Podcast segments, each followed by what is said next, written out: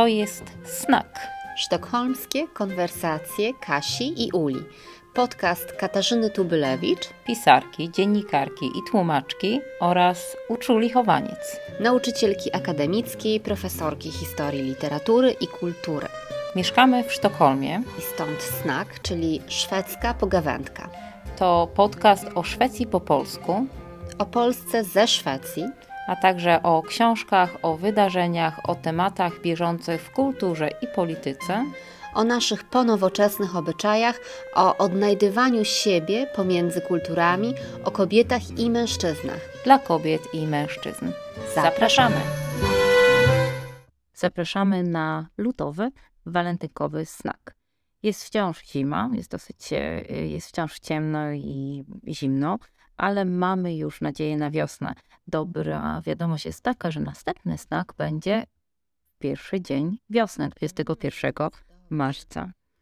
A dzisiaj zapraszamy na właśnie lutowy temat, temat o miłości, ale z różnych perspektyw. Będzie trochę o czarownicach, trochę o tym, jak wymyślić miłość na nowo, czyli o książce Mony Cholet. Będzie także troszeczkę o Marii Rodziewiczówni, Rodziewiczównie, o a David, Davidzie Bowie. Będzie wreszcie o White Lotus, o Białym Lotosie, e, serialu na HBO z 2022 roku. Czyli o miłości, o złości, o zazdrości i o tym, jak e, kombinujemy, by odnaleźć siebie w tych skomplikowanych labiryntach miłosnych. Zapraszamy.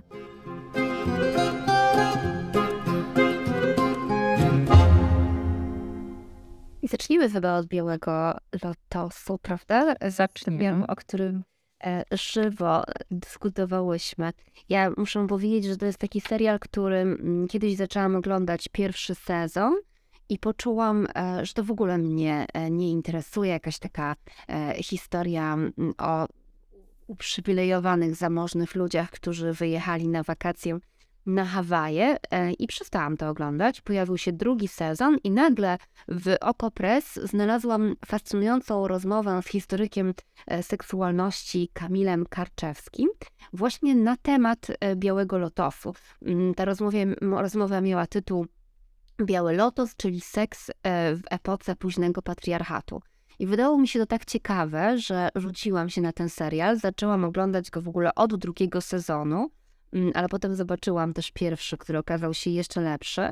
I muszę powiedzieć, że mnie ten e, serial mm, zachwycił. E, e, to znaczy, bardzo mnie bawił, bo to jest taka ostra satyra na współczesność, ale momentami też sprawiał lekki ból. Mm, I wydał mi się bardzo inteligentny i wnikliwy. I od razu ci go poleciłam i wiem, że cię też on i zirytował, i bardzo zainteresował, prawda? I tak naprawdę zaczęłam od pierwszego sezonu, ponieważ e, ty zaczęłaś od drugiego, od pierwszego, od tego lepszego jednak chyba e, sezonu i, i wciągnął mnie natychmiast. Wciągnął mnie właśnie, ponieważ ja Właściwie tutaj chyba trochę kłóciłabym się, że to nie jest tak naprawdę jakaś satyra, krytyka na rzeczywistość, bo to jest bawienie się, jakieś takie zlepianie całych szeregu, szeregu schematów, e, konwencji, e, stereotypów, ale w tych stereotypach ni niestety odnajdujemy siebie i w takiej, w takiej, w tej, w tej, w tej, w tej sytuacji te, właśnie w, te, w ten sposób ten e, biały lotus staje się w jakiś sposób no, przypisem do naszej rzeczywistości. Ale bardzo niebezpiecznie byłoby powiedzieć, że to jest jakaś, jakiś głos o naszej rzeczywistości, ja bo wtedy byłby, byłby bardzo, bardzo politycznie, niepo, i politycznie niepoprawny. Ale to jest politycznie niepoprawne. On, e, Mike White, twórca tego serialu, e, po prostu wręcz e, bawi się polityczną poprawnością w taki sposób, że pokazuje także jej e, ograniczenia. Ale jak gdybym miała powiedzieć, e, dlaczego uważam, że ten serial jest jakąś diagnozą, to powiedziałabym, że to jest bardzo interesująca analiza ludzkich związków i relacji, zarówno, i dlatego o tym mówimy z okazji walentynek, zarówno relacji rodzinnych, jak i relacji w związkach romantycznych, związkach E, seksualnych w tym świecie postpatriarchalnym. I e, na pewno jest to serial, który w jakiś taki bardzo ostry sposób krytykuje w ogóle koncepcję miłości romantycznej. No tak, ale wtedy musimy powiedzieć, że e, miłość romantyczna to jest miłość bardzo bogata, to jest taka y, y, fenomen bardzo bogatej klasy, prawda? Bo mamy tutaj do czynienia e, z ludźmi niezwykle bogatymi, dla, którzy, dla których oczywiście no, z takimi dwiema klasami, znaczy bardzo bogatymi gośćmi i bardzo niebogatymi, biednymi, obsługującymi. E, że na wszelkie to jest wykorzystanie również seksualne. Tak, i to jest dosyć podejrzany przedział e, perspektywa, perspektywa społeczna. No, ale społeczna jest o wiele bardziej skomplikowana. Tak, ale właśnie White więcej się wyda wydarza. Że, że ta koncepcja miłości romantycznej e, to jest burżuazyjny charakter, tak, a po drugie jest koncepcją, um, która wymaga tego, że masz czas, e, pieniądze i przestrzeń na to, by sobie o tej miłości marzyć. I myślę, że E, bohaterka, e, która mm, grała, jest grana przez Jennifer Coolidge, czyli aktorka, która podczas ostatnich Złotych Globów mm, dostała nagrodę dla najlepszej drugoplanowej aktorki i w ogóle jest jakąś taką wielką gwiazdą na teraz, właśnie dzięki serialowi. Um, grana przez nią bohaterka Tania jest właśnie taką kobietą, która ma wszystko w życiu, jest bardzo, w sensie materialnym, jest bardzo y, zamożna, ma czas na to. By... Dodajmy dlatego, że jej ojciec był do... i matka, i matka byli bardzo zamożni, bardzo tak. I ona może realizować wszystkie swoje zachcianki, ale jest nieustannie nieszczęśliwa, dlatego że czuje się niekochana i cały czas szuka miłości romantycznej. I Mike White pokazuje, jak ta szukająca miłości romantycznej, niby w sumie taka delikatna, w środku, choć duża na zewnątrz e, kobieta, jako ona jest tak naprawdę opresyjna dla świata. Tak, jest totalnym potworem. Jakim jest potworem niszczącym innych ludzi, jak bardzo lekceważy wszystkie kobiety wokół siebie, czy to są jej asystentki, czy kobiety, z którymi zaczyna planować jakiś biznes, czy które jej pomagają kobiety w tej takiej dzikiej pogoni za mężczyzną e, są po prostu niczym. One są takimi przeszkodami, które można gdzieś za sobą zostawić. E, no i to jest moim zdaniem bolesna, ale dość prawdziwa diagnoza. Ja mam wrażenie, że do dziś e, wiele kobiet e, jest w tym schemacie. I Mike White ewidentnie akurat tego schematu nie znosi. Y, Tania, czyli Jennifer Coolidge, jest zdecydowanie gwiazdą tego serialu i obu, obydwu e, e, serii, pierwszej i drugiej.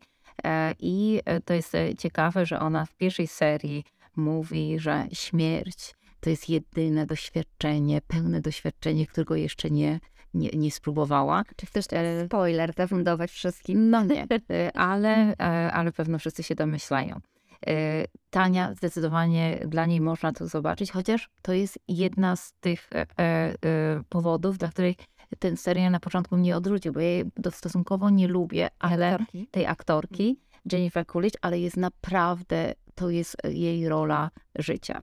Ale od początku E, Biały Lotos to na pewno serial o klasie bardzo, bardzo zamożnej. To na pewno serial o klasach, to, ale to także serial o, o rodzinie, o przyjaźni, o kolonializmie, o, o, wyzy, o, o rasie, o wyzyskiwaniu, o, o seksualności. Także queerowej. Absolutnie, być może przede wszystkim.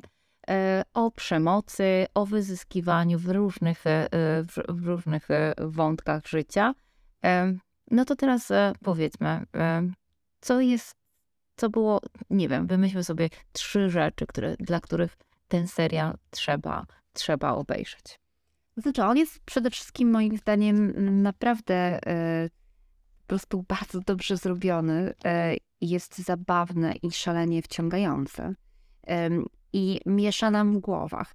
E, przykładem takiego mieszania w głowach jest to, że mm, to jest zdecydowanie opowieść o tym, jak ludzie poszukują spełnienia, zarówno w erotyce, jak i w uczuciach, jak to mm, spełnienie jest często niemożliwe z różnych powodów. Z tego powodu, że jest się na przykład w długotrwałym związku małżeńskim, w którym wszystko wygasło, z tego powodu, że jest się na przykład osobą queer, która nie jest w stanie dokonać coming outu, e, z tego powodu, że jest się na przykład biedną dziewczyną sycylijską i nie ma się żadnych dróg e, robienia kariery finansowej poza jakąś taką drogą robienia tego przez, przez ciało, przez e, bycie seksworkerką, jak to się dziś politycznie poprawnie mówi. E, ale mm, pojawia się w, tej, w, tych, w tych dwóch sezonach jedna para, która wydaje się taką parą idealnie kochających się ludzi. Cameron e, i Daphne. Daphne sezon drugi. Aktorka, sezon drugi.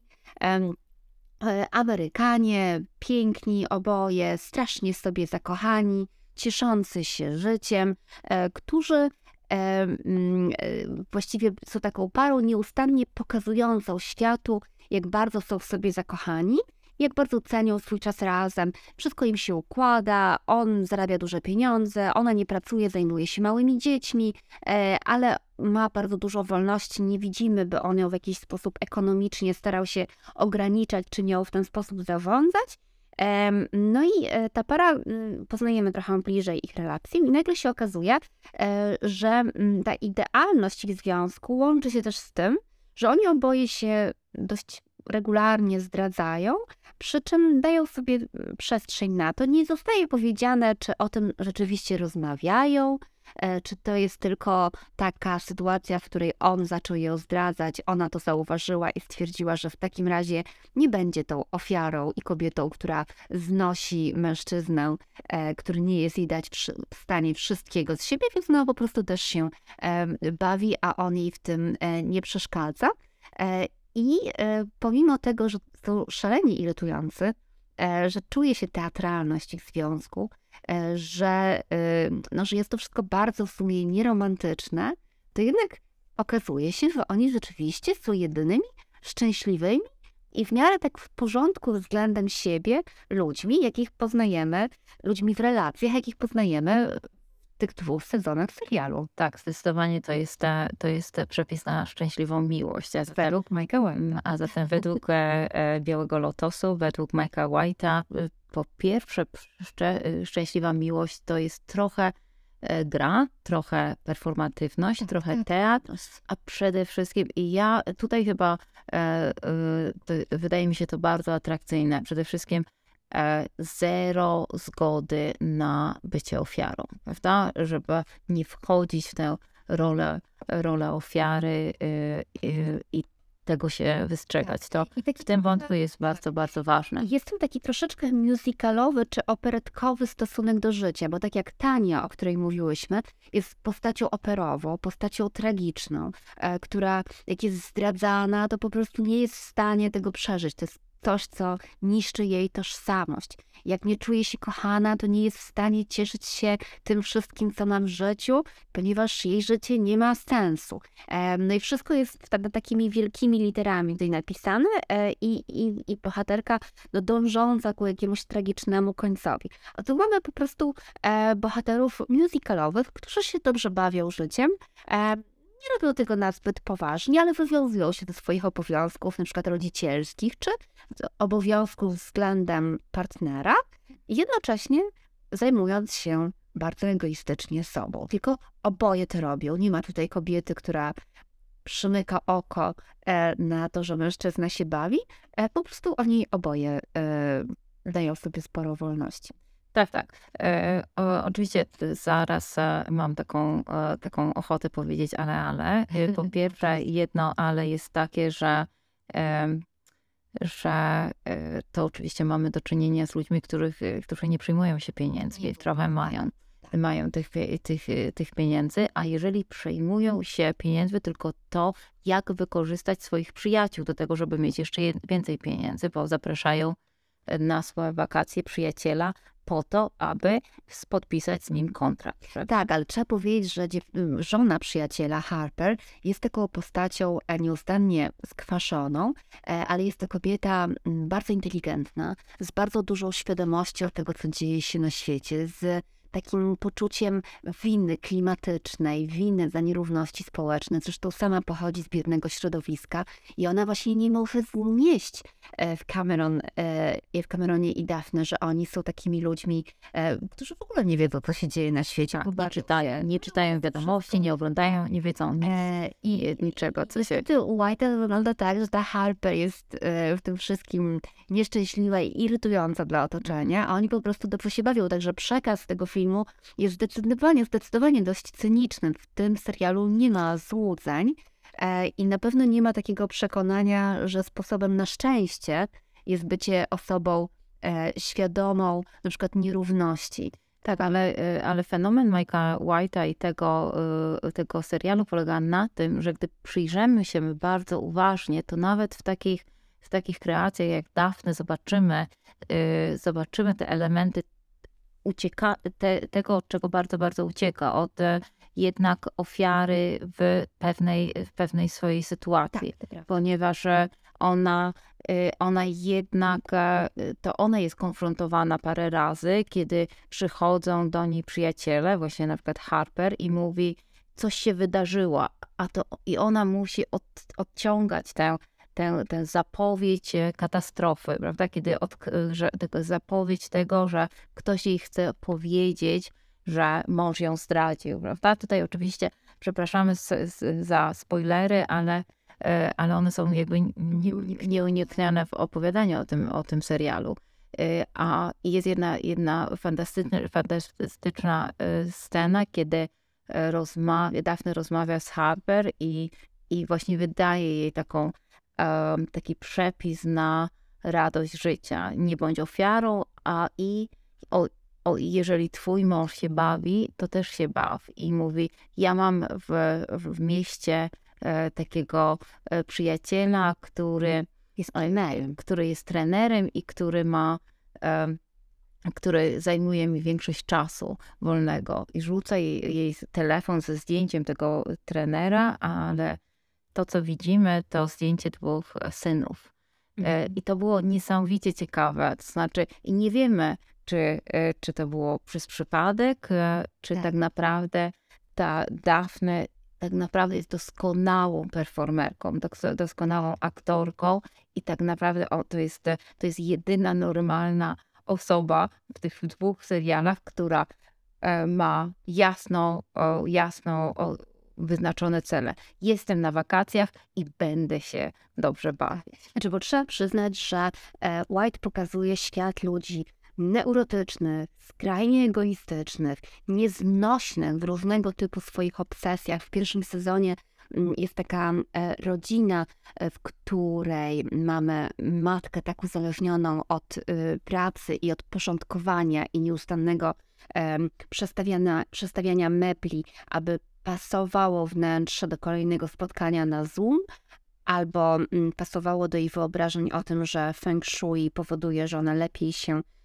czuje, jest w tym totalnie neurotyczna. Ma równie neurotycznego e, męża, która najpierw twierdzi, znaczy najpierw boi się tego, że umiera na raka i, i wypełnia mm, tym e, czas wszystkim wokół, e, a następnie mm, przeżywa jeszcze kilka różnych e, kryzysów i robi coraz dziwniejsze rzeczy. No i mamy też ich e, nastoletnie dzieci, z których syn jest tak uzależniony od gier na Nintendo i od komórki, że w momencie, w którym jego sprzęt elektroniczny zostaje zniszczony, bo wpada do morza, on po prostu mówi rodzicom, że jeżeli natychmiast nie dostanie komórki, e, to on po prostu oszaleje, że on nie e, nie, nie odpowiada za siebie, nie jest w stanie wytrzymać przez jeden dzień w luksusowym resorcie, gdzie może e, pływać, bawić się e, albo po prostu leżeć na piasku, ale on nie jest w stanie wytrzymać e, bez gier komórkowych. No i są jeszcze, jest córka z przyjaciółką, które są między innymi mm, narkomankami, ale mają jeszcze parę innych cech dość neurotycznych. Tak, także jest mm, takie bardzo dziwną przyjaźń, prawda? Takich przyjaźni zupełnie e, takie uzależnione, one są zupełnie uzależnione od siebie, prawda? W jakiś sposób się są, e, są w jakiś, cały, cały czas bawią się w przyjaźń, która oparta jest na jakiejś przemocy. Konkurencji. Na konkurencji, ale te dwie dziewczyny są absolutnie niezwykle ważne dla całej narracji, bowiem one czytają książki. Są, e, czytają i te książki, i, i to są dobre książki. Te książki są pokazywane bardzo wyraźnie. E, Mike White chce, żebyśmy wiedziały, co, e, co czytają. No i czytają właściwie całą narrację, bardzo ważne dyskursy nowoczesnej, kultur, kulturoznawcze dyskusji o, nowocze, o nowoczesności. Tu się pojawia oczywiście dyskurs genderowy, dyskurs kolonialny, dyskurs psychoanalityczny. To są trzy przede wszystkim te dyskursy, które się tam e, pojawiają, a zatem jest i Judith Butler, jest Aimé Cezar i jest Jacques, y, Jacques Lacan. A też I to są, ale oczywiście też Freud, to są oczywiście Freuda się nie da czytać bez Lacana, ale no i czytałem Nietzschego, ale to są wszystkie właśnie te, te, które zwiążą się z tym, tymi trzema e, elementami. E, płeć, polityka, polityka postkolonialna i obcość, otherness. To jest i, i i one czytają oczywiście e, tak nagminnie, że w zasadzie jeden z tych, jeden z bohaterów, właśnie taki bardzo bogaty, chłopak, naiwny, syn bogatych e, milionerów, znaczy milionerów, który przyjeżdża ze swoją narzeczoną Aleksandrą, która była mm, narzeczoną, która Rachel chyba, która, która jest biedną, ale bardzo, bardzo piękną dziennikarką. Shane właśnie mówi dziewczynom, ale zaraz, zaraz, zaraz. Czy w ogóle wy wiecie, co czytacie? Bo czy czytacie codziennie inną książkę i to jest taka, to jest, czytacie na pokaz. No i nie wiem za bardzo, czy czytają na pokaz, ale mhm. czytają na pewno bez dyskusji na temat tych książek i, i czytają trochę tak, i no, na tym polega problem, że czytają w ten sposób, że ich e, tę krytykę, zwłaszcza krytykę postkolonializmu, czy psy, e, psy, kryty, e, ten, ten dyskurs psychoanalityczny zupełnie bezkrytycznie e, przyjmują do analizy rzeczywistości, co doprowadza oczywiście do przestępstwa, bo jedna... Nie wiem, czy oczywiście nie wyjaśnię do końca o co chodzi, ale, ale faktem jest, że doprowadza to do przestępstwa ponieważ są tak naprawdę bardzo młodymi, naiwnymi, niezwykle oczytanymi, ale jednocześnie naiwnymi w, w ocenach e, i seksualności, i polityki. I różnych klasowych. No i oczywiście że również klasowych, rasowych. E, e, dziewczynkami. Tak. Ja myślę, że w ogóle White, bo e, te bohaterki mają wiele wspólnego z idealistą z drugiego sezonu um, tego serialu, e, czyli z takim chłopakiem o imieniu Albi, który przyjeżdża e, do Taorminy ze swoim ojcem. Naprawdę? Tak, tak, tak. one wydają mi się takim strasznymi, strasznymi dziewczynkami w porównaniu z. No, Albi jest z, bardzo słodki, ale to, co ich łączy, mm, Albi jest rzeczywiście idealistą i próbuje zmieniać świat, ale on jest też mm, niezwykle oczytany i świadomy współczesnych dyskursów. Ja mam wrażenie, że Mike White pokazuje, że nadmiar współczesnych teorii, tyczących się także tego, o czym my rozmawiamy i będziemy dziś rozmawiać, jak zdekonstruować mit miłości romantycznej, czym jest płeć, jak ona nas ogranicza, czym jest seksualność, e, czym są wszystkie zależności i hierarchie w społeczeństwie i co zrobić, aby kogoś nie wykorzystywać. Że to wszystko może, zwłaszcza dla wrażliwych ludzi, mieć naprawdę efekt paraliżujący albo wręcz ogłupiający, bo my mamy tak strasznie dużo informacji. Tak, i te że my nie jesteśmy w stanie e, nad tym zapanować, a jednocześnie wchodząc w nasze głowy i w patrzenie na świat przez te wszystkie okulary mądre, my tracimy kontakt z ciałem. I to się dzieje z tymi młodymi ludźmi. Oni po prostu e, nie do końca się odnajdują w rzeczywistości. Absolutnie. Zanurzeni w teoretyzowaniu. A jedyną, jedynym, ostatecznie jedynym rozwiązaniem, jakie widzą, to, jest, to są pieniądze, które albo ukradną, albo e, wezmą, Dadzą. wezmą ojcu i komuś dadzą, prawda? To jest taki mały, następny mały spoiler, ale Y, ale mam nadzieję, że na tyle wysublimowany, że nie przeszkodzi to Państwu w mm, oglądaniu i dobrej zabawy na, e, w, w, przy oglądaniu tego serialu.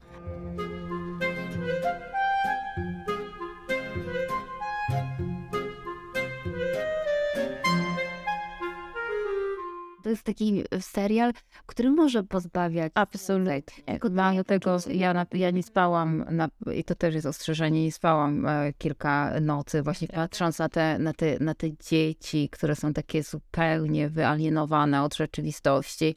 O ile nie, nie zaczniemy myśleć o, właśnie o tym serialu jako zabawa pewnymi schematami i zabawa też pewnymi konwencjami, które nowoczesności, które nam narzuca pewien, pewne lęki. Y, I, I jak e, pomyślimy o tym serialu jako jakaś diagnozie rzeczywistości, to się okaże bardzo, bardzo, e, bardzo pesymistyczne. To Ale być można się pocieszyć, że to jest diagnoza rzeczywistości ludzi uprzywilejowanych, że Mike White pokazuje, że oni też cierpią. E, Więc to jest jakiś dobrze tak? I dobrze tak. E, może być też tak, e, że jednak bardzo duży element komizmu tego serialu powoduje, że można mm, patrzeć na tę rzeczywistość pokazaną w takim krzywym zwierciadle, z pewnym przymrużeniem oka i mieć takie poczucie, no tak, no tacy właśnie jesteśmy w sumie beznadziejni na mhm. tysiąc sposobów. No ale jeszcze jest ładny świat, ta Ormina jest piękna. Tak. Jest... Y, to jest niezwykle ważne, że ten serial jest jednocześnie zrobiony w bardzo, y, to są naprawdę bardzo dobre zdjęcia. Y, naprawdę bardzo fajne, pokazana jest natura, ta natura, która jest taka właśnie, tak pulsuje raczej, razem z kulturą, czyli zaraz obok pięknie kręcącej się fali jest właśnie ta fala e, e, wina w kieliszku, prawda? I to, jest, I to nakładanie się tych różnych e, takich ruchów, momentów jest bardzo, bardzo ładnie zrobione w, tej, w tym serialu. No i Ale jest jeszcze jedno w tym serialu, że mm, jedyne takie postaci, którym się coś udaje, E, które wychodzą jakąś obronną ręką w tym serialu, e, to są mm, e, osoby z reguły, które a, nie mają problemu ze swoją seksualnością, są w bardzo dobrym kontakcie ze swoim ciałem, nie mają złudzeń na temat miłości romantycznej.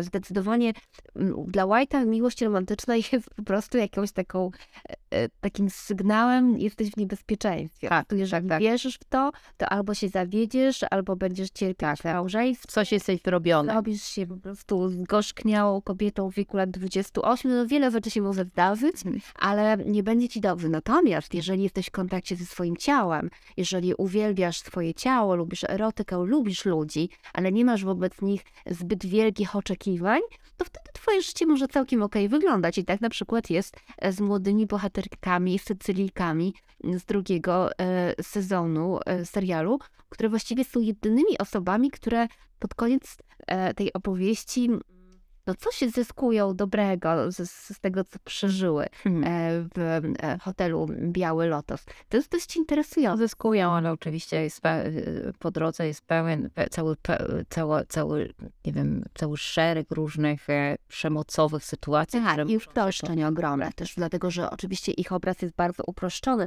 i też absolutnie nie tego nie należy traktować jako na przykład opisu rzeczywistości seksu Tak. Natomiast mm, w tym takim satyrycznym świecie, e, w którym wszystko jest trochę metaforą, trochę zabawą, e, jakimś wyolbrzymieniem, no to tutaj po prostu White rzuca jakąś taką tezę. E, no ale właśnie humor. Powinni, powinniśmy już w zasadzie, w zasadzie kończyć, ponieważ długo, długo rozmawiamy o tym, ale wa warto powiedzieć, że to jest naprawdę świetny humor. Tak. To jest też świetnie językowo zrobione. Ja to ja to oglądałam po angielsku, więc e, nie bardzo wiem, jak to będzie przetłumaczone, ale tam cały szereg różnych właśnie takich postmodernistycznych nazw. nazw. I jednym z takim świetnych, świetnym e, nowym słowem, takim nowym, który pojawia się w 2013 roku, ale gdzieś tam pojawia się teraz, to jest FOMO, czyli Fear of Missing Out, czyli taki lęk przed tym, że coś cię ominie. I to właściwie to jest taka, taki serial, o, z, w których bohaterami wszyscy są FOMO, tak. prawda? Gdzie wszyscy, wszyscy chcą e, wszystko naraz, prawda? Że maksymalnie, przeżywać, maksymalnie przeżywać życie, a nawet tęsknić za tym, że nie mają tego maksymalnego doświadczenia, ultimate experience of death, nie? Jak, jak Tania w pierwszym, pierwszym odcinku, w drugim no nie wiem, nie wiadomo, co się, co się stanie. E, y, świetny jest, e, świetna jest scena, jak Tania zaprasza e, i tutaj zaprasza, zaprasza cygankę. Ale wie, że nie można już mówić cyganka, że to jest, że gypsy to jest właściwie niepoprawne, więc tam cicho mówi, że zaprasza tą cygankę. Wróżkę. Wróżkę. Tak, i ta wróżka przychodzi, stawia tarota i mówi jej, że jest bardzo źle czekają jakieś niebezpieczeństwo. niebezpieczeństwo i ona jest absolutnie przerażona, zbulwersowana. Jak to jest możliwe, że ona za to płaci, a wróżka jest tak negatywna? Tak, ona chciała i wyrzuca, wyrzuca, wyrzuca ją. A zatem to jest strasznie ciekawe i e, i tak na koniec właściwie warto powiedzieć o Armondzie, czyli z pierwszego serialu, czyli te, tym właściwie e, menadżer, e, to jest menadżer hotelu, menadżer spa, grany fenomenalnie przez Maria Barletta e, i który e, jest e, no, taką, takim, takim szkieletem narracyjnym całego tego, tego, tego pierwszego serialu. Jest to absolutnie fenomenalna postać grana, ale o którym nie wiemy nic. Tak, to znaczy, to jest jedna z postaci. Poza tym ona nienawidzi swoich gości, ale stara się wykonywać dobrze. Dokładnie, który nienawidzi, ale nie wiemy dlaczego właściwie to robi. E, no, dlaczego, dla, y, co się, co, dlaczego nie może co, czegoś innego zrobić, bo jednocześnie jest absolutnie doskonały w tym, w tym tak. co robi. Jego ostatnie sesje i na, koń, na końcu mówi, kiedy patrzę na nich wszystkich, e, to chce mi się wydrapać oczy. Prawda? Ta, ta scena w zasadzie taka niezwykle właściwie antyczna, prawda? Wydrapanie, y, oślepnięcia, wydrapania oczu w tej, kiedy patrzy, jaka jest straszna rzeczywistość, jest, e, jest cudna. E, kiedy ja zastanawiałam się nad tą postacią, to właściwie myślę, że takim kluczem, i to też jest, pokazuje, jak bardzo elitarny jest to serial, jak takie, nie tylko te książki, które czytają dziewczyny, ale też, e, też cały szereg różnych e, kulturowych takich odniesień. Powiem. Nawiązań do danych filmów, prawda? Do filmu i zupełnie do Ojca Chrzestnego. Oczywiście. E, I no mam Sycylię, to jest oczywiste, ale, ale to jest też tak, że Anmont na samym końcu, właściwie tuż przed końcem serialu, cytuję e, ten, e, Tennysona, e, Lorda Tennysona, takiego jednego z bardzo, bardzo popularnego poety w, właśnie w kontekście amerykańskim przede wszystkim, największego poetę postromantyzmu wiktoriańskiego w Ameryce, który, który, który cytuje go mówiąc, śmierć to koniec życia, ale dlaczego życie jest ciągłą pracą? The death is the end of life. E, ach, why should life all labor be? Ale e, i to jest chyba taki klucz do tej postaci, ponieważ e, ojciec Tennysona to, była, to jest to był bardzo, bardzo trudny alkoholik, bardzo przemocowy.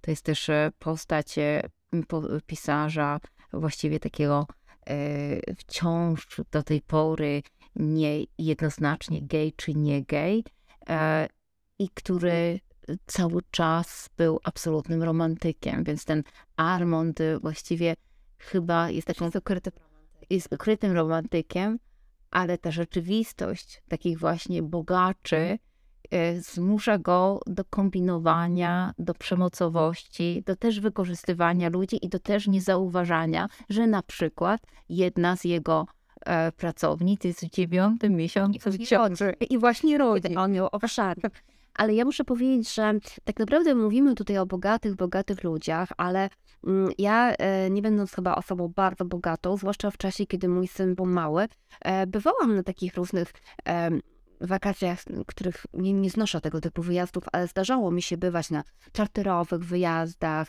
e, albo na przykład jakimś, byłam kiedyś też w takim bardzo zamożnym e, hotelu na Bali, gdzie wszędzie właśnie siedzieli bardzo podobni goście do tych w Białym Lotosie. I ja muszę powiedzieć, że ja... E, że chciałaś też wydrapać sobie oczy? Tak, dlatego że na przykład pamiętam, najgorsze są takie miejsca, gdzie wszystko jest all inclusive i oglądasz tych ludzi, którzy od rana idą po drinki, po piwo. Tak, to tak. jest takie super, że oni po prostu to pomóc, prawda? Nie tak, mogą tego tak. I jest to takie, jestem taki, jest w ogóle jakiś rodzaj, mm, ja uwielbiam podróżować, ale nie lubię być turystką e, właśnie czarterową, dlatego że jest coś mm, bardzo deprawującego i ogłupiającego w takim stylu bycia i życia, nawet przez krótki czas, w którym najważniejszą rzeczą, którą masz sobie dać, jest e, dobre zjedzenie i takie sprawienie, żeby było mi jak najbardziej przyjemnie i jak najbardziej wygodnie w tym zorganizowanym świecie z tymi wszystkimi innymi gośćmi hotelowymi, e, z tymi niemieckimi e, parami, gdzie ona w frotowej sukience zbyt duża z reguły, on z wielkim brzuchem, właśnie piwo od e, 8 rano i tak siedzieć w tym świecie i sobie, że kim są ci ludzie, co ja mam z nimi wspólnego, dlaczego ja tu w ogóle siedzę. E, to, to jest jakiś taki, ten biznes turystyczny tego rodzaju ma w sobie element karykaturalny, tak jakby po prostu od pierwszej sekundy, bo tam widzisz te wszystkie pary, które się kłócą, które przyjechały i mają się super bawić, a tak naprawdę mają siebie całkowicie dosyć. E, znaczy, ja, ja, ja myślę, że nawet w dużo mniej zamożnych kontekstach, w bardzo zwykłych hotelikach, e, gdzie przyjeżdża po prostu klasa średnia, taki zorganizowany wypoczynek. Jeszcze może być też wodzirej, który organizuje wieczorami jakieś e, party, zabawy. To jest tak naprawdę komfortowe. Tak. E, no i tak, być może jaki jest ten świat bogatej klasy, jaki jest też mniej bogatych tak samo. Tak, jaki jest taka świat właśnie to jest trochę też mm, ostateczna, ostateczna ocena jest też na końcu pierwszego serialu, kiedy Armand po prostu robi, bardzo Państwa przepraszam za to, kupę. I to będę do walizkę jednego z, z gości. Bo się bardzo należy swoją drogą. Absolutnie. Ale ta, y, to jest niezwykle znana scena. Ja w ogóle na, na YouTubie widziałam kilka analiz tej sceny. Prawda? Tak, ostatnia scena kupa, co to znaczy? No i oczywiście oznacza totalną bezradność, e, kiedy, kiedy wobec e, tej przemocy władzy, e, gość wobec menadżera hotelu, kiedy bogacz wobec biednego, właściwie ostatecznie możemy tylko jakby cieleśnie wyrazić tę swoją frustrację. Biały Lotos zdecydowanie warto zobaczyć. Polecamy. Znak sztokholmskie konwersacje Kasi i Uli. Pamiętajcie, polubcie nas na Facebooku i na Instagramie. Bądźcie z nami na patronite.pl. Istniejemy dzięki temu, że Wy jesteście. Kiedy tak mówimy o dekonstruowaniu miłości romantycznej, to mm, przypomina mi się, że wyznałaś mi nie tak dawno temu, że jako dziecko byłaś wielką miłośniczką powieści Marii Rodziewiczówny. Wszystkich powieści Marii Rodziewiczówny. Że one na ciebie jakoś bardzo się nie wpłynęły. Co jest zupełnie niesamowite, bo, mm, bo to jest dość specyficzny typ e, literatury. Zupełnie do mnie nie pasuje. Zupełnie. Ten poziom kiczowatości, sentymentalizmu, no i rzeczywiście patriarchalnych schematów. Ultrakatolicyzmu, jakiegoś absolutnego klasi klasizmu i tak. Nie, tak, tak, tak. Ja byłam jakoś fanką Rodziewiczówny, ale wiem, e, że ty czytasz książkę, do której ja też niedługo sięgnę. E, Rodziewiczówna, Gorąca Dusza, książka Emilii Padoł, którą wydało wydawnictwo literackie. Pokazałaś mi na razie e, zdjęcia w tej książce i kiedy zobaczyłam, jak wyglądała um, autorka, która no, naprawdę bardzo dużo pisała o takiej delikatnej, zwiewnej kobiecości, prawdziwej kobiecości, prawdziwej miłości, kiedy ten on ją między ustami a brzegiem pucharu i tak dalej. Mm, no, no i, i zdjęcie było szokiem, dlatego że to e, taka postać no, no zupełnie zaskakująca. Opowiedz ty. Tak. Y no właśnie, Maria Rodziewicz, czy Rodziewiczówna, y, ona trochę nam pasuje do naszego lutowego, walentynkowego snaka. To jest, e, to jest oczywiście e, bohaterka, właściwie autorka, ale bohaterka wszelkich naszych opowieści o, e, o romantycznych powieściach, prawda? Takich powieściach niezwykle, niemalże jak XIX-wieczne harlekiny. I ja wróciłam do niej za sprawą Emilii Padą i jej książki, która gdzieś mi się ukazała, zapowiedź tej książki kilka miesięcy temu i czekałam na tę, na tę, na tę, na tę książkę bardzo, bardzo niecierpliwie. Kiedy wydawnictwo literackie wysłało nam tę książkę jakiś tydzień temu, e, przeczytałam ją bardzo szybko. Dlatego ta moja analiza jest taką, taką po takiej pospiesznej lekturze, a książka ma gdzieś tam pół tysiąca stron, więc jest naprawdę takim potężną biografią. Ale mam wrażenie, e, że jej powieści e, są jednymi z całej masy dzieł kultury, które wpajały kiedyś, dzisiaj Rodziewiczówna jest jednak mniej czytana, ale jeżeli jest czytana, to nadal wpajają. Kobietom e, obsesyjną potrzebę miłości, ale o której e, pisze e, moim zdaniem szalenie interesująco. Francuska feministka Mona Cholet, e, której książka Wymyślić miłość na nowo. E, przeczytałyśmy. Tą książkę wydało wydawnictwo Charakter i w ogóle warto wspomnieć, że to jest dość niedawno napisana książka um, i na przykład jeszcze jej nie ma po angielsku, a po tak. polsku już jest. Tak, książka oczywiście w, w oryginalnie po francusku i, y, i to jest książka, która wyszła e, no dopiero co, prawda? Dopiero tak. I to jest wspaniałe, to pokazuje na bogactwo polskiego rynku wydawniczego. Nie wiem, czy ta książka jest e, wystarczająco nagłośniona, a ona jest niezwykle e, interesująca. Tak, obydwie zresztą książki autorki i, i historia czarownic i teraz Wymyślić miłość na, na nowo są e, książkami, które będziemy polecać i, i czytać. I czytać i, i to jest naprawdę lektura obowiązkowa.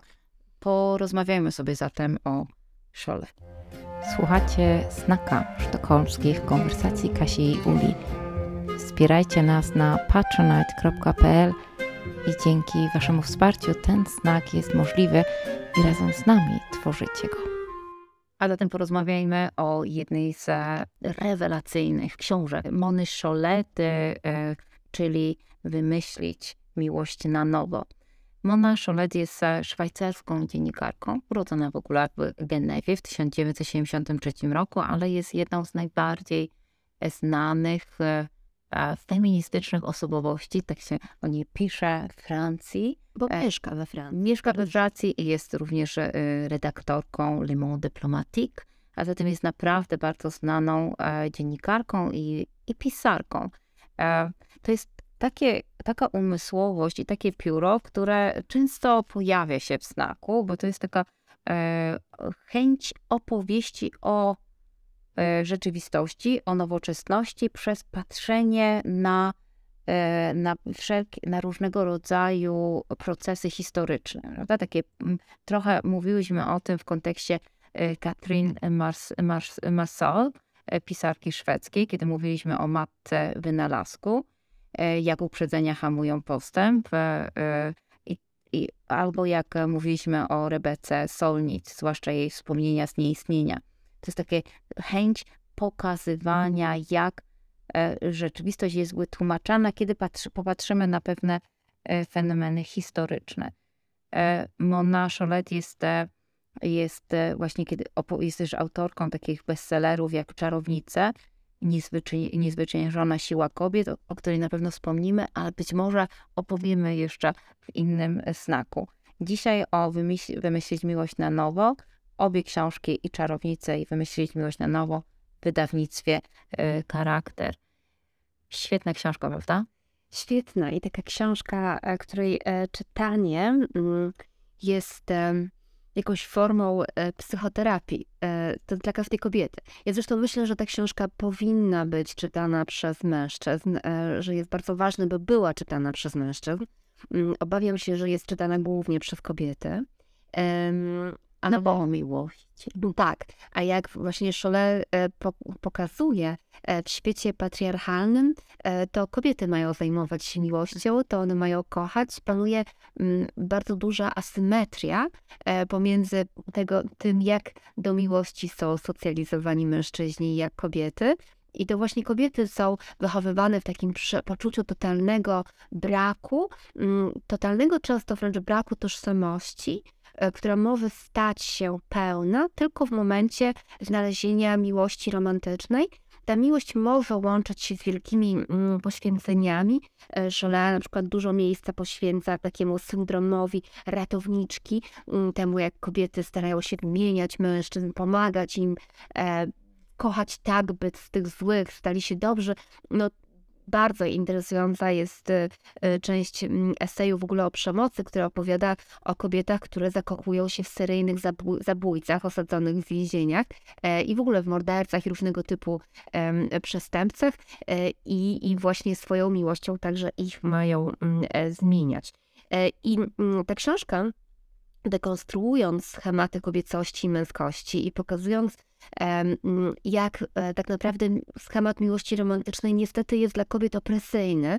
E, gdzieś tam e, sugeruje, Szole używa takiego określenia, że miłość jest koniem trojańskim patriarchatu wprowadzonym do serc kobiet, że jest czymś, co sprawia, że kobiety od najmłodszych lat nie rozwijają się dla siebie i nie widzą sensu własnego istnienia, jeżeli ono nie zostanie potwierdzone właśnie miłością, a jeżeli tej miłości nie znajdują, e, no to e, w ogóle są bardzo nieszczęśliwe. Ale ważne jest, e, że Cholet już we wstępie do tej książki zaznacza, że sama w swoim życiu zeznała bardzo mm, dużo dobrej miłości. Że chyba po prostu chce od początku nas uprzedzić, że nie jest tą taką stereotypową feministką, która dlatego pisze, że miłość jest dziwnie pokazywana w kulturze, ponieważ jej nikt nie kochał i nigdy nie była szczęśliwa. Zresztą jest tam mhm. taki fragment o miłości i gniewie, że właściwie wydaje nam się, że to jest takie, takie dwie y, przeciwstawne są ze sobą i że albo kobieta kocha, albo jest po prostu taką rozłuszczoną feministą. Tak, dokładnie. Więc e, Cholet mm, opowiada trochę o swojej prywatności i, e, i, i pokazuje, że tak nie jest. I, I bardzo często mówi o tym, że dla niej samej po prostu miłość jest szalenie ważnym tematem. Ważną lekturą jest książka Bell Hooks e, o miłości. Ona po prostu ma poczucie, że tę miłość trzeba jeszcze raz przeanalizować i zastanowić się, jak można sprawić, by była e, pełniejsza, bardziej równouprawniona. I ja znalazłam taki fragment w samym prologu, wstępie do tej książki, e, w którym ona opowiada o, swoim, o swojej wczesnej młodości. I ja sama bardzo odnalazłam się z pewnym rozbawieniem e, w tym opisie i, i, i mam sporo przyjaciółek, które też się w tym odnajdują. Więc to brzmi tak. Jeśli chodzi o życie uczuciowe, radziłam sobie fatalnie, ale to całkiem inna historia, a może właśnie nie, to wcale nie jest inna historia, albo nie do końca. Jednym z fascynująco różnorodnych powodów, które mogłyby wyjaśnić niewyobrażalne rozmiary owej katastrofy, było to, Moja absolutystyczna wizja miłości musiała zmusić do ucieczki każdego mężczyznę o w miarę zdrowych zmysłach. Będąc osobą z lekka i skłonną do nieumiarkowanego asymilowania kulturowych przekazów płynących z otoczenia, zbyt, zbyt gruntownego przyswajania ich sobie, oczekiwałam od miłości wszystkiego. Mój przypadek, podobnie jak przypadek Ani Arnaud, e, dość dobrze ilustrował to, o czym w 1982 roku pisała socjolożka Sonia Diane Hepburn.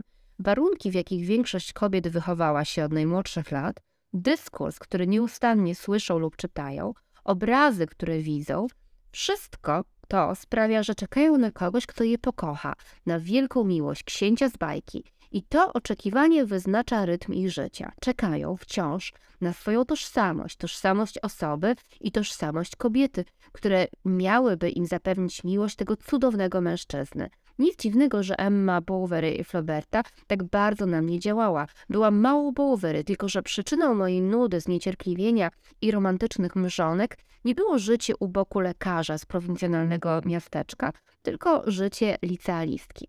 Myślę, że na pewno w naszym pokoleniu jest bardzo dużo kobiet, które dokładnie odnajdują się w tym opisie. No i Cholet w swoich esejach opowiada, dlaczego e, takie myślenie o miłości bywa trochę niebezpieczne. No dobrze, to zaraz, zaraz sobie opowiemy i zapytam cię, jak, jak ty y, czytasz Cholet, ale to jest e, niezwykle ciekawe, że mamy e, e, Emmę Bovary, mamy Annę Kareninę, mamy cały szereg różnych postaci. Mamy oczywiście wszystkie bohaterki Marii Rodziewiczówny. Wszystkie one są z taką niezwykłą potrzebą miłości. I transgresji, bo jako transgresji. Ani Arno, nie tylko omawiałyśmy. I Ani Arno, przypomnijmy, napisała dwie powieści na temat miłości kobiety 50-letniej do dużo młodszego mężczyzny, która to miłość dla tej kobiety jest czymś, co sprawia, że ona wszystko inne wokół zaniedbuje, zaniedbuje swoją pracę, jest już tak. znaną pisarką, e, zaniedbuje relacje z przyjaciółmi, po prostu wszystko, ona żyje tylko namiętnością, no a mężczyzna y, zdecydowanie nie. Ale mało tego, ta, ta transgresja jest właśnie autodestrukcyjna, tak. ale ta, ta transgresja jest też w jakiś sposób mitem, że moja miłość jest wyjątkowa, moja miłość zmieni go. Jest spełnieniem, jest, poza tym mojej egzystencji. Tak, jest, jest największym spełnieniem, a zatem o niczym innym nie, nie marzę. Ale jednocześnie przywołałaś Bell Hooks, o której mówiliśmy, All About Love, Wszystko o miłości. E, I, I, jest cały szereg innych, e, innych e, książek. Mówiliśmy o Rebece Solnik, prawda? Te, te, te książki właśnie też kobiety bardzo krytycznie patrzących na patriarchat, na mężczyzn, na właśnie tych tłumaczących nam świat, e, a jednocześnie kolejna książka, jak książka Mona Cholet, staje się jakimś takim objawieniem, bo ona bardzo ciekawie roz, e, rozpoznaje pewne wydawałoby się uniwersalne w, mm, y, zachowanie, uniwersalne fenomeny. Właściwie wydaje, wydaje nam się, że miłość, nasza miłość tych dziewczynek 11-letnich, nastolatek, ta potrzeba miłości jest jakaś czymś genetycznym, oczywistym, wrodzonym, uniwersalnym, a nie kulturowo e, e, określonym. A jednak Szola pokazuje, że tak jest, że my jesteśmy wrabiane w to, ja tutaj przeczytam inny cytat, a ty już wspomniałaś o tym, że kobiety po prostu zakochują się w mm, mordercach, prawda? Oczywiście ci mordercy są czasami przez małe M, prawda? Tych, ci, którzy po prostu biją, bo kochają, prawda? Albo ci, którzy yy, no, yy, gdzieś tam od czasu do czasu yy, porzucają kobiety i w ogóle się nimi nie troszczą. Ale wszystkie kobiety, mówi Scholle, mają ogromne pragnienie miłości. Ja myślę, że te wszystkie, tutaj jest jakieś takie potwornie duże, e, e, duże upraszczanie, ale e, no zacznijmy od tego. Wszystkie te kobiety wyrażają ogromne pragnienie miłości. Trzeba będzie poświęcić kilka słów owej skłonności, skłonności do zakochiwania się tak silne, silnej, że może ją rozbudzić zdjęcie nieznajomego mężczyzny na ekranie telewizora. Nie wspominając już o tym, że chodzi o zdjęcie zabójcy na przykład. Ta skłonność dobrze, dobrze pokazuje, jak mocno wpojono kobietom obsesję, po, obsesyjną potrzebnie śnienia o miłości, tak, że iż staje się ona centralnym punktem ich tożsamości i egzystencjalnych poszukiwań, z czego najbardziej korzystają mężczyźni, których wybierają. No, dlaczego? No właśnie, no dlaczego? No ona twierdzi, że po prostu jesteśmy e, bardzo silnie zaprogramowane kulturowo.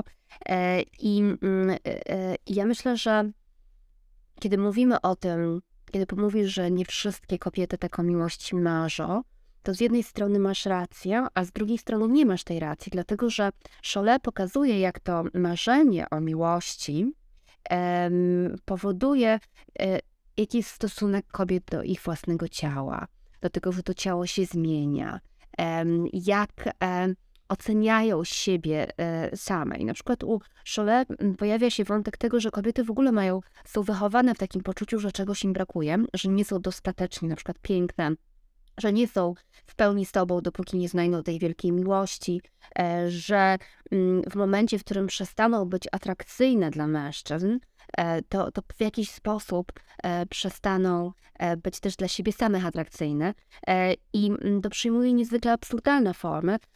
Tutaj mm, w tej książce Shelley opowiada o różnych kobietach kultury, między innymi opowiada o Jane Birkin, która była przepiękną kobietą e, i przez wiele lat w związku z legendarnym e, francuskim piosenkarzem i poetą Gainsbourgiem, który w ogóle urodziwy nie był, za to podobno fascynujący, ona w swoich pamiętnikach opowiada o tym, o takiej zazdrości o niego i nieustannym lęku, że on po prostu odejdzie do innej kobiety. I tu jest taki cytat. Mam tak silne poczucie, że jestem już starym pudłem, widząc wszystkie te młode i ładne istoty kręcące się wokół, świeże z obfitymi piersiami. Pisze Jane Birkin w 1970 roku w wieku 33 lat. Także naj, w swoim czasie rozkwitu ona już czuje się przeźroczysta i już ma poczucie, e, że mm, być może e, za chwilę skończy się ten czas, kiedy w ogóle coś w jej życiu e, może się udać, bo przestanie być atrakcyjna seksualnie dla mężczyzn. No i to mi się od razu skojarzyło z ostatnią taką dosyć głośną historią. Przez wszystkie chyba media w Polsce w pewnym momencie przyleciała wieść o tym, że naszą noblistkę Olgę Tokarczuk, Tokarczuk spotkał taki zaszczyt, że przeprowadziła z nią rozmowę w swoim klubie księżowym Natalie Portman. Mnie to w ogóle zafascynowało, że można uznać, że to Olga Tokarczuk spotkał zaszczyt, a nie Natalie Portman, no bo jednak to Tokarczuk jest noblistką, Natalie Portman cudowną postacią rzeczywiście i mm, wspaniałą aktorką i, i podobno też bardzo inteligentną, oczytaną kobietą, no ale jednak mm. hello. Takie, taka... Ale tylko to właśnie. Świadomość kolonialna. Tak. Ale nie tylko to mnie zdziwiło w opowieściach o tej w sumie dość krótkiej rozmowie, e, ale także fakt, e, że mm, kilka tytułów, artykułów na temat tego wywiadu, między innymi artykuł Vogue, informował o tym, że Olga Tokarczuk powiedziała, że po 40 zaczęła czuć się przeźroczysta. No i to jest w ogóle po prostu fascynujące, że kobieta, po, e, po pierwsze, no, żyjemy w czasach, w których po 40 z reguły kobiety przeżywają rozkwit, także seksualny, wiemy to z nauki nawet, że mężczyźni mają swój pik, jak mają 20 parę lat, kobiety koło 40. E, no ale w ogóle jest to fascynujące, że kobieta u szczytu swojej kariery, czy zbliżająca się do szczytu swojej kariery e, literackiej, niesamowita pisarka, bardzo ceniona, e, bardzo wszędzie widoczna, nie od czasu, kiedy dostała Nobla, tylko dużo wcześniej też. Mm, opowiada o tym, e, że czuła się przeźroczysta po tym, jak skończyła lat 40, 40. Czyli znaczy, czego jej brakowało, jakiego typu reakcji ze strony świata mężczyzn, że nagle nie była widoczna. E, no ten, ta, ta myśl sprawia, że można poczuć, że ma rację Mona Chollet. Ale to przypomina mi bardzo ważny wątek e, w książce e, Czarownice Niezwyciężona siła kobiet, bowiem e, właściwie analizując historię Młotu na czarownicę, Scholle wytłumaczy, dlaczego historycznie, w zasadzie od renesansu, bo to jest bardzo ważny element tej książki, pokazujący, że to nie jest, że młodna czarownica to uprzedmiotowienie kobiet jest w zasadzie wymysłem nie średniowiecza, ale wymysłem e, renesansu. E, e, czyli właściwie wydawałoby się takie początki nowoczesności, początkiem odkrycia racjonalizmu, ale właśnie taki racjonalizm jest bardzo silnie związany z, jak pokazuje Szolet, z kapitalizmem i z racjonalizmem znaczy y, z, y, z patriarchalizmem, rozwoju y, patriarchalizmu. I ona pokazując o tym, mówiąc o historii czarownic, pokazuje jak kobiety, e, jak zrodził się lęk przed starszymi, starymi kobietami, prawda? Przed sta, starzeniem się kobiet. I właściwie e, te kobiety starsze, które mogą być odrobinę mądrzejsze, odrobinę krytyczne, które, stara, które wyrażają swoje zdanie, nagle stały się e, totalnym zagrożeniem patriarchatu, a zatem trzeba je ośmieszyć, trzeba je właściwie unicestwić i dlatego ten, e, no właśnie ta wypowiedź o transparentności, prawda, o niewideczności wydaje się takim naprawdę nieudaną diagnozą tego, co się dzieje, prawda? Albo takim trochę taką autoprzemocą wobec e, kobiet, prawda? Kobiety wobec, e, wobec kobiet, e, że w zasadzie z jakiej perspektywy mówimy, kto ma nas zauważać, kim jesteśmy, czy jesteśmy o tyle, o ile zauważają nas, nas mężczyźni. Czy jak smukają za nami robotnicy na przykład, bo to bardzo młode kobiety w krajach takich mocno patriarchalnych no to mają często takie doświadczenie, e, że jak idą po ulicy, to właśnie e, spotykają je takie mało, e, powiedziałabym, wyszukane formy zaczepek. I o ile jest czymś bardzo nieprzyjemnym. Ja pamiętam, że dla mnie to było wręcz dość no, traumatyzujące, jest może dużym słowem, ale, ale mnie to przerażało. Tak, a poza tym Rebecca nigdzie, o ile mówi, o, o wspomina wspomnienia z nieistnienia, pisze, to pisze, ona nie istniała jako kobieta, jako kobieta intelektualna, prawda, że, że kobiety młode istnieją o tyle, o ile istnieją jako, jako no, artefakty, jako, jako ciała. ciała i za tym mamy tęsknić. No. Dosyć, dosyć to jest e, e, dziwne i zaskakujące. Tak, no w ogóle to słowo, to tęsknota jest takim, myślę, e, kluczowym słowem e, w opowieści Folle, choć ona może samego słowa tak często nie używa, mm, ale niejako uczula kobiety na to, e, że są mm, programowane przez kulturę, by wtedy czuły się niepełne, by właśnie tęskniły za jakąś taką formą spełnienia, mm, którą może dać im mężczyzna. Tutaj warto skoczyć troszeczkę znowu do Białego Lotosu, o którym dzisiaj rozmawiałyśmy, że w Białym Lotosie pokazane jest, jak marzenie kobiety o miłości romantycznej potrafi być też opresyjne, nawet dla mężczyzn, bo jest w tym jakiś taki element też wampiryzmu, takiego ty spraw, że moje życie e, stanie się sensowne, pełne. E, ty y, spraw, że ja będę czuła, że naprawdę jestem.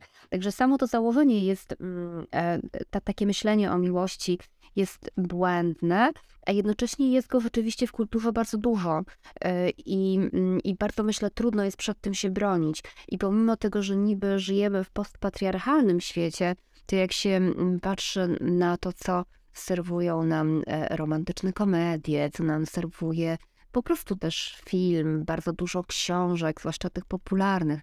To jest cały czas mm, e, ta historia, e, w której kobieta jednak najszczęśliwsza staje się, gdy wreszcie znajdzie tę e, miłość, no, a później rzadko przyglądamy się temu, co po znalezieniu miłości się działo w parze. I Szole poświęca też oczywiście sporo czasu temu, że mm, że o miłość w związkach bardzo często dbają głównie kobiety, podobnie jak to one dbają o te wszystkie sprawy e, codzienne, od gotowania przez pranie. I ona w pewnym momencie wysuwa taką dosyć radykalną propozycję. E, sugeruje, że aby się w ogóle uporać z patriarchatem, to należałoby na ileś pokoleń po prostu nie pozwolić ludziom, by ze sobą będąc w związkach mieszkali. E, I tutaj jest bardzo zabawny, moim zdaniem, fragment na ten temat, który przeczytam. E, to jest tak. W przypadku wielu par mieszkających razem, nieobecność drugiej, nieobecności drugiej osoby cieszą, gdyż są okazją do orgii, wolności i spokoju. Ten trochę smutny fakt dobrze ukazuje dramatyczny brak samotności w ich codziennym życiu. Wydaje mi się również, że posiadanie własnego terytorium pozwala zmaterializować mentalną, wewnętrzną przestrzeń, miejsce, które przydzielamy sobie – pozwala uniknąć wojen, jakie mogą się toczyć w sposób mniej czy bardziej jawny we wspólnych mieszkaniach, na przykład żeby ustalić, kto zajmie jedyne dostępne biurko.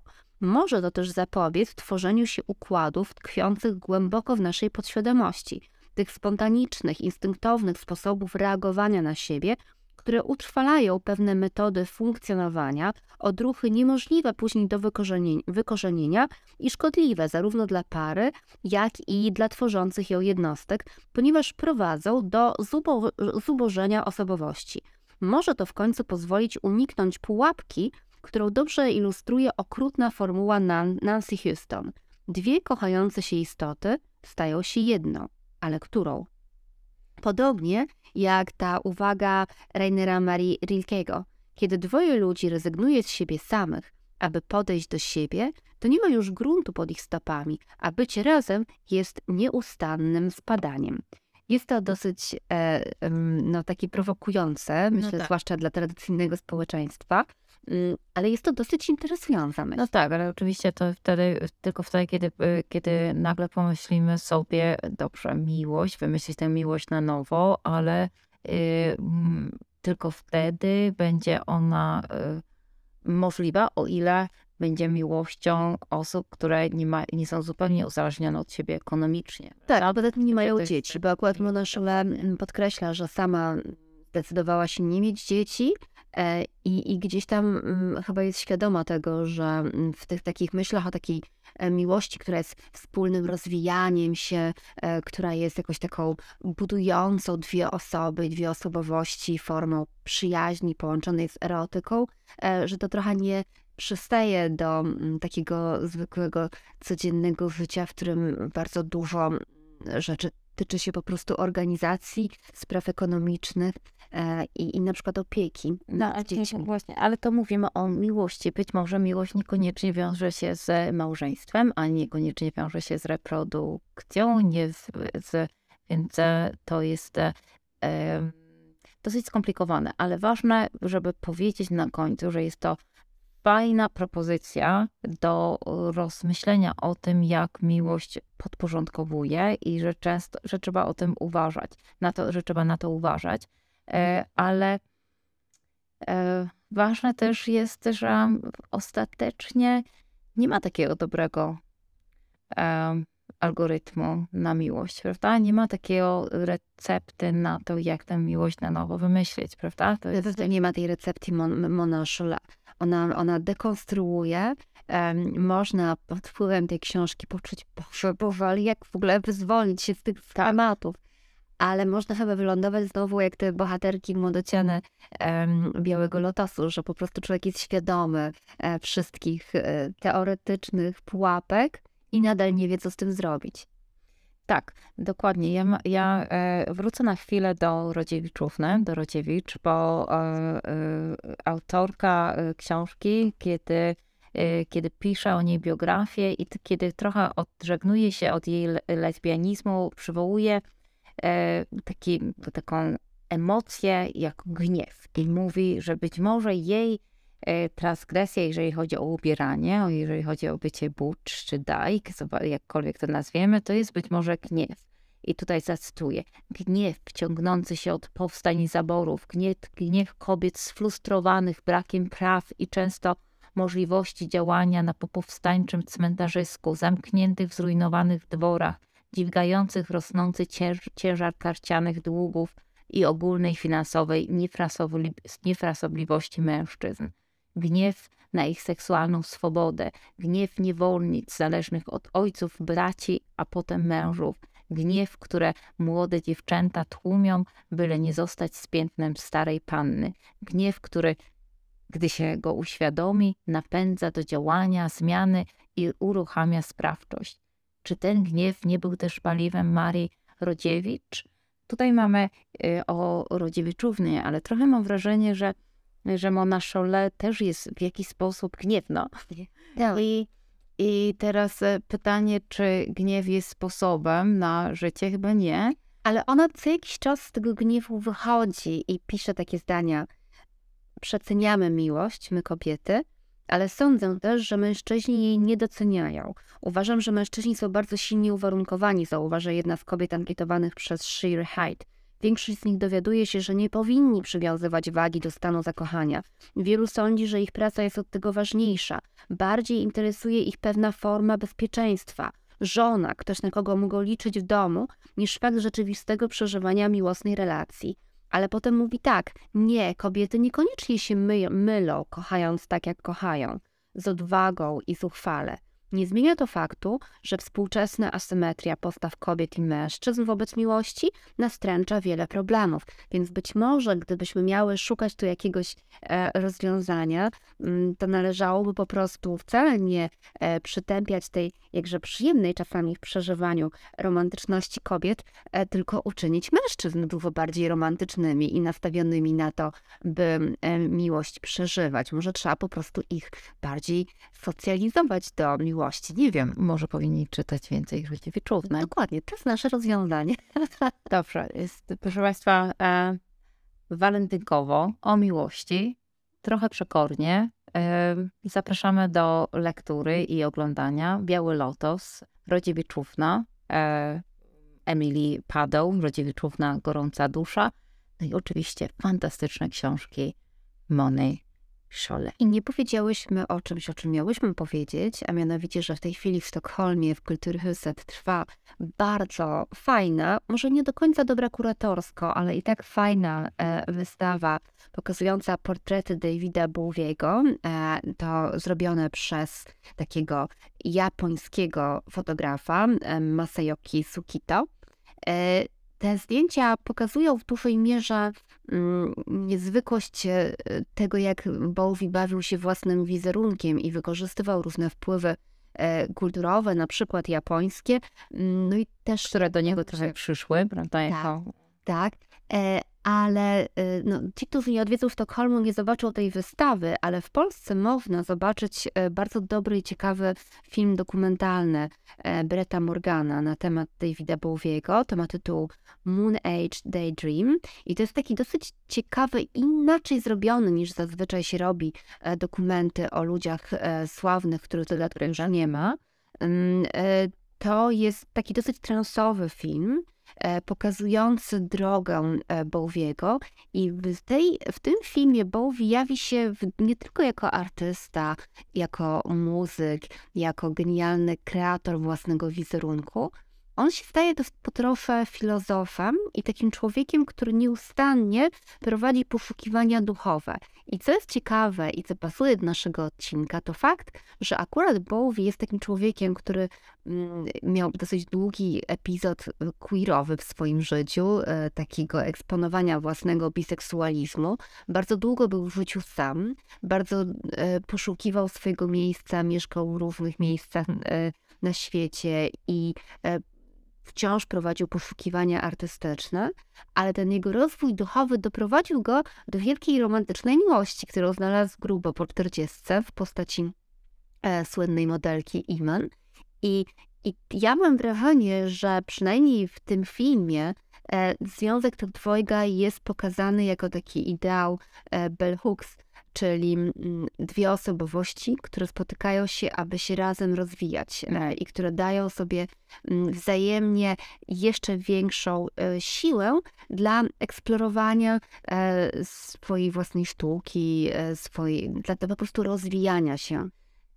Także może w tym filmie znajdziemy nagle przepis na idealną miłość romantyczną. Tak, to jest e, y, świetna wystawa, jeżeli chodzi o poszczególne y, zdjęcia. I wystawa, y, wystawa w Kulturhuset Davida Bowiego. E, natomiast ona faktycznie jest bardzo bez pomysłu na to, jak opowieść, jak, jaką, jaką opowieść e, przedstawić. Mhm. Ja jej słuchałam, ja, ją, ja ją oglądałam słuchając dokumentu, też biograficznego BBC, o Davidzie Bowie, który jest dostępny na YouTube. I to jest zupełnie inna opowieść. E, to jest bardzo ciekawe, bo ona opowiada też o e, jego relacji z e, pierwszą no, partnerką czy żoną, o synu, o właśnie też trochę trudach tej relacji, takiego otwartego, otwartego związku. No tak, ale też zdecydowanie to David Bowie, trochę jak Sting, Sting, Sting prawda, pokazują takie, takich bardzo świadomych artystów, którzy, których miłość czasami zupełnie jest e, transformacyjna, prawda? To jest e, absolutnie e, prawda. A zatem David Bowie mhm. jako inspiracja na koniec. Tak, taki androgeniczny mężczyzna, który potrafił chyba kochać. Rodziewiczówny na pewno nie czytał, ale, ale na pewno... Ale dużo czytał poza tym. Ale wiemy. dużo czytał innych rzeczy. Pozdrawiamy.